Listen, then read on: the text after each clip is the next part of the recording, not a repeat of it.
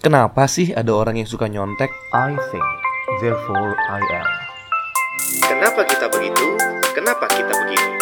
Satu persatu kita bahas dalam Brief Hub kali ini. Alright guys, selamat pagi, selamat siang, selamat sore, selamat malam Jam berapapun kalian dengerin ini, di mana pun kalian dengerin ini Sebelum gua jawab pertanyaan di depan tadi Mungkin gua bakal jelasin dulu formatnya episode 10 kali ini Karena sebelum-sebelumnya dari episode 1 sampai 9 Biasanya gue nyatet dulu nih Apa yang akan gue bahas, poin-poin apa yang bakal gue ceritain, gue share ke kalian di episode-episode sebelumnya Cuman untuk episode kali ini 10 ini agak spesial di mana gue akan ngebahas tanpa catatan tapi kita akan menjawab pertanyaan kenapa orang mencontek atau kenapa ada orang yang suka nyontek itu bersama-sama. Jadi I will bring you guys yang ngedengerin melalui thought process gue, gue berpikir sampai akhirnya kita bisa menemukan kesimpulan bersama. Hopefully I don't even know ujungnya bakal di mana. So, ayo kita berpikir sama-sama. Um, this is not gonna be a long one. Mungkin bakal pendek. Let's get started. Kenapa orang mencontek? Di kepala gua kalau ada orang nanya, kenapa orang mencontek? Kenapa ada orang yang suka nyontek? Jawabannya ada satu, cuman ada satu menurut gua. Karena orang itu tidak tahu jawaban atas pertanyaannya itu atas pertanyaan yang diberikan dia nggak tahu jawabannya sehingga dia mencontek make sense sih ya kan kalau tahu jawabannya nggak mungkin nyontek kan ya ya yeah, well ya yeah.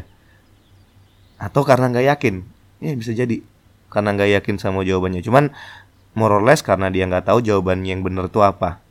Gitu bisa jadi dia tahu tapi nggak yakin well gue kategoriin sebagai nggak tahu. Karena kalau tahu pasti nggak nyontek. Nah, yang nggak tahu ini ada tiga orang. Menurut gua ada tiga jenis manusia yang tidak tahu jawaban itu. Atau yang tidak mengetahui jawaban atas sebuah pertanyaan biasanya alasannya karena tiga jenis manusia ini.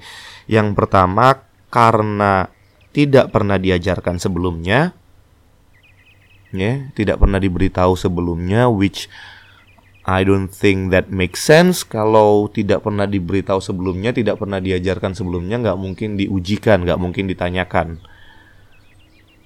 Jadi itu gone, ya alasan itu udah nggak make sense. Yang kedua, kenapa orang nggak tahu jawabannya? Karena lupa. Jadi dikasih tahu, terus dia lupa, terus karena dia lupa akhirnya dia mencontek, gitu. Atau yang ketiga karena males mikir aja karena memang ya nggak mau put effort, nggak mau put energi karena yang namanya berpikir itu butuh energi, butuh effort, butuh usaha yang cukup kuat untuk mengingat-ingat kembali jawaban atas pertanyaan yang diberikan itu. Yang dulu pernah dikasih tahu pasti sebelumnya. Terus dari dua ini kenapa orang mencontek karena tadi nggak tahu terus karena salah satunya tadi yang sudah kita ignore adalah karena dia nggak pernah dikasih tahu yang dua lagi ini karena lupa dan karena males mikir ini menurut gua itu alasan yang belum cukup valid. Alasan yang masih belum cukup untuk membuat kita untuk mencontek. Emang kenapa kalau lupa? Emang kenapa kalau males mikir? Bisa nembak, bisa nebak-nebak. Risikonya apa? Kalau nembak atau nebak-nebak, atau nggak mencontek misalnya pun dia nggak tahu tapi dia nggak mencontek resikonya apa emang resiko yang terburuk yang bisa gue lihat adalah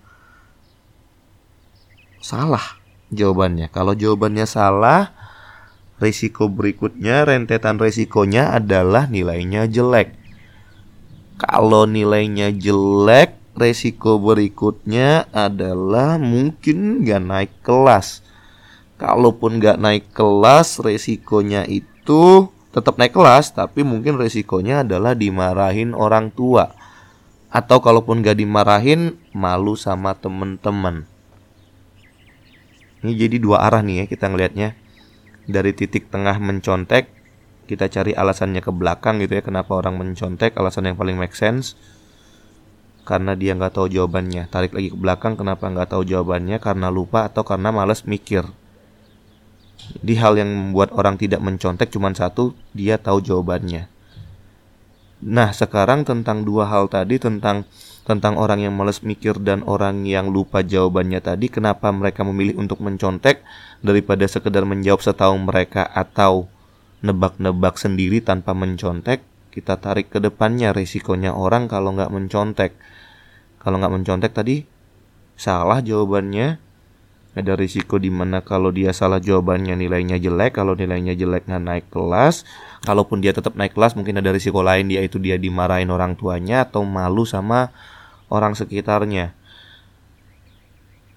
Yang ini jadi ada faktor intrinsik sama faktor ekstrinsik, faktor internal sama faktor eksternal tentang alasan orang mencontek. Internalnya tadi dari dalam diri sendiri lupa atau nggak mau mikir, malas mikir. Eksternalnya adalah risiko yang buruk yang bisa terjadi kalau dia tidak mencontek. Hmm, menarik. Terus resiko terburuk ini apakah emang seburuk itu? I mean, seburuk-buruknya nilai lu, apakah lu akan mati sehingga lu harus mengambil cara lain? Yaitu mencontek sesuatu yang mungkin kalau dari sisi moral itu adalah sesuatu yang salah. Apa nggak pernah diajarin sebelumnya bahwa mencontek itu adalah sesuatu yang tidak benar? Apakah mencontek itu termasuk salah satu hal yang tidak termasuk dalam moral kompas kebanyakan orang, sehingga dianggap tetap tanda kutip halal? Atau mencontek itu dianggap sesuatu yang biasa. Sang uh, mencontek itu dianggap sebagai sesuatu seni mungkin ya. Apa pun itu. Well, yang di kepala gue sekarang kenapa orang mencontek mungkin dari semua yang gue bahas barusan ini ada satu mungkin garisnya ya benang merahnya. Maybe I jump into conclusions too quickly mungkin tapi ada satu hal benang merah yang gua anggap sebagai alasan primary, alasan utama kenapa orang mencontek yaitu itu adalah bentuk survival skill. Survival instinct seseorang saat dihadapkan pada sebuah pertanyaan di mana resikonya kalau salah menjawab itu nanti nilainya jelek atau mungkin dimarahin gurunya, dimarahin orang tuanya atau nggak naik kelas atau malu sama temennya. Risiko itu cukup untuk membuat seseorang merasa terancam sehingga kalaupun dia tidak tahu jawabannya dia akan berusaha mencari jawabannya dari orang lain walaupun itu mencuri. Which leads to my another question gitu pertanyaan berikutnya di mana apakah mencontek ini sama kasusnya dengan mencuri hmm menarik Apakah mencontek jadi sama kasusnya dengan mencuri? Well, mencontek itu sendiri kan bentuk dari mencuri gitu ya. Mencontek itu sendiri adalah mencuri jawaban yang dimiliki orang lain yang kita sendiri nggak punya. Alasannya nggak punya tadi either lupa atau malas mikir. Gitu. Apakah ini jadi sama dengan mencuri kasusnya? Di mana orang mencuri juga mungkin dalam hal ini bisa dibilang juga sebagai bentuk survival skill survival instinct yang mendasari orang untuk mencuri di mana dia tidak tahu jawaban tanda kutip ya jawaban atas pertanyaan bagaimana cara menghidupi keluarganya sehingga dia mencuri jawaban dari orang lain yaitu mengambil hak orang lain mengambil barang orang lain. Dan itu mungkin bisa dikeluarkan dieksklud dari moral kompas di mana survival skill itu sendiri atau survival instinct itu sendiri sudah tidak mengenal moral kompas. Interesting. Interesting.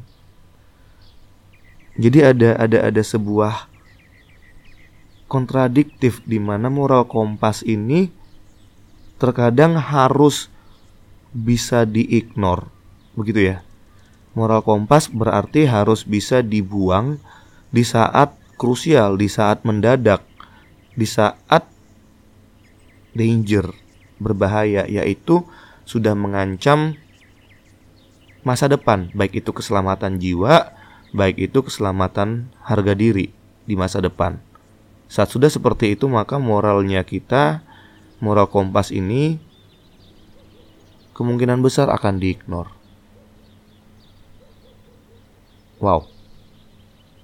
Mencontek merupakan sebuah hal kecil yang banyak orang sering ignore termasuk gua, termasuk lu, termasuk siapa pun itu. Di mana hal kecil ini kalau dijadikan behavior ini bisa leads ke hal lain yang lebih besar yang esensinya sama. Seperti tadi mencuri. Hmm which comes to next question pertanyaan berikutnya yang mungkin bisa gue tanyain ke kalian yang ngedengerin will you do that apakah kalian akan mencontek saat dilemparkan sebuah pertanyaan di mana konsekuensi dari pertanyaan itu kalau dijawab dengan salah tidak seburuk itu. Atau artinya gini dah. Misalnya gue tanya, berapa umur Pak Habibie sekarang? Either lu bener atau salah dalam menjawab pertanyaan gua itu nggak ada konsekuensinya sehingga lu nggak perlu mencontek. Betul ya? Betul ya? Kalau gue tanya misalnya coy Jakarta Surabaya jaraknya berapa ya? Berapa kilometer ya? Then you know for sure bahwa kalau lu salah menjawab pun konsekuensinya nggak berat atau nggak ada ruginya mungkin lu nggak bakal mencontek betul ya tapi kalau misalnya bos lu yang nanya gimana sih caranya ngerjain ini dan lu lagi lupa atau lu lagi nggak tahu, lagi malas mikir,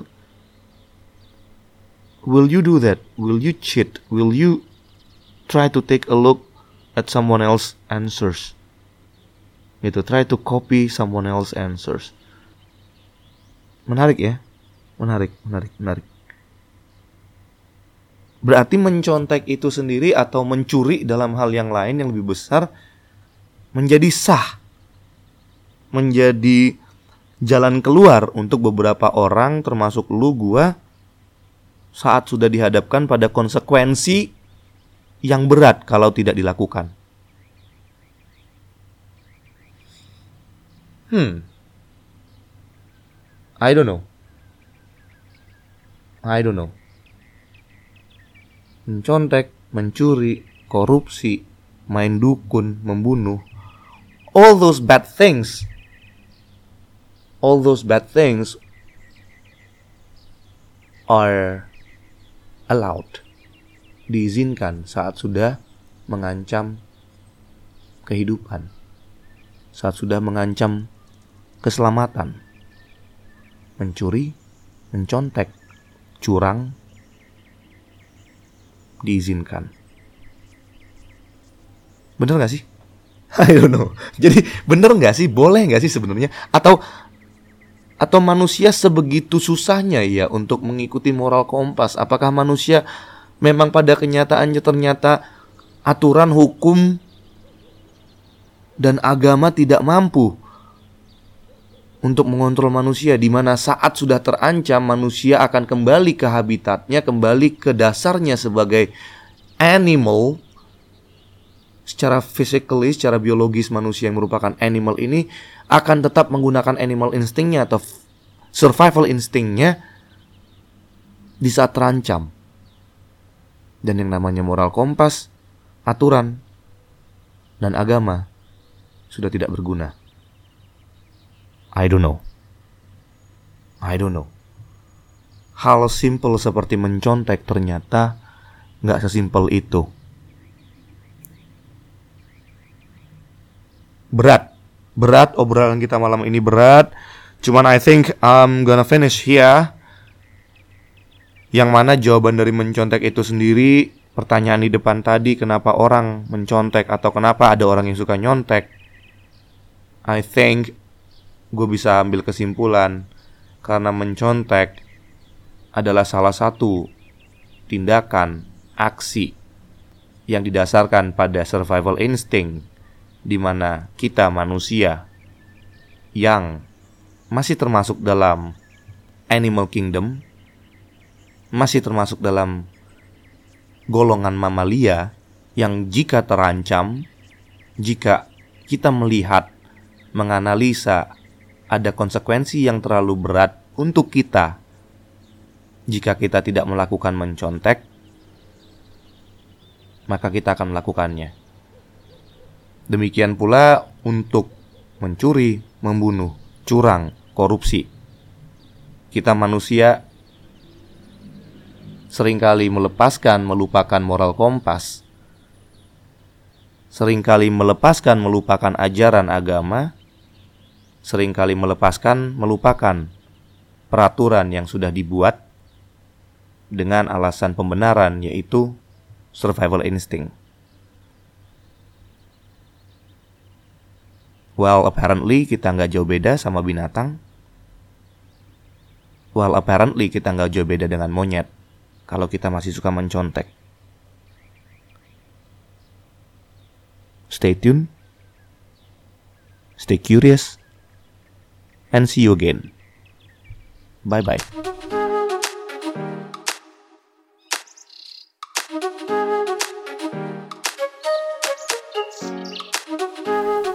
Thank you for listening. Like and share if you enjoyed this, and see you again in the next Brainfort episode.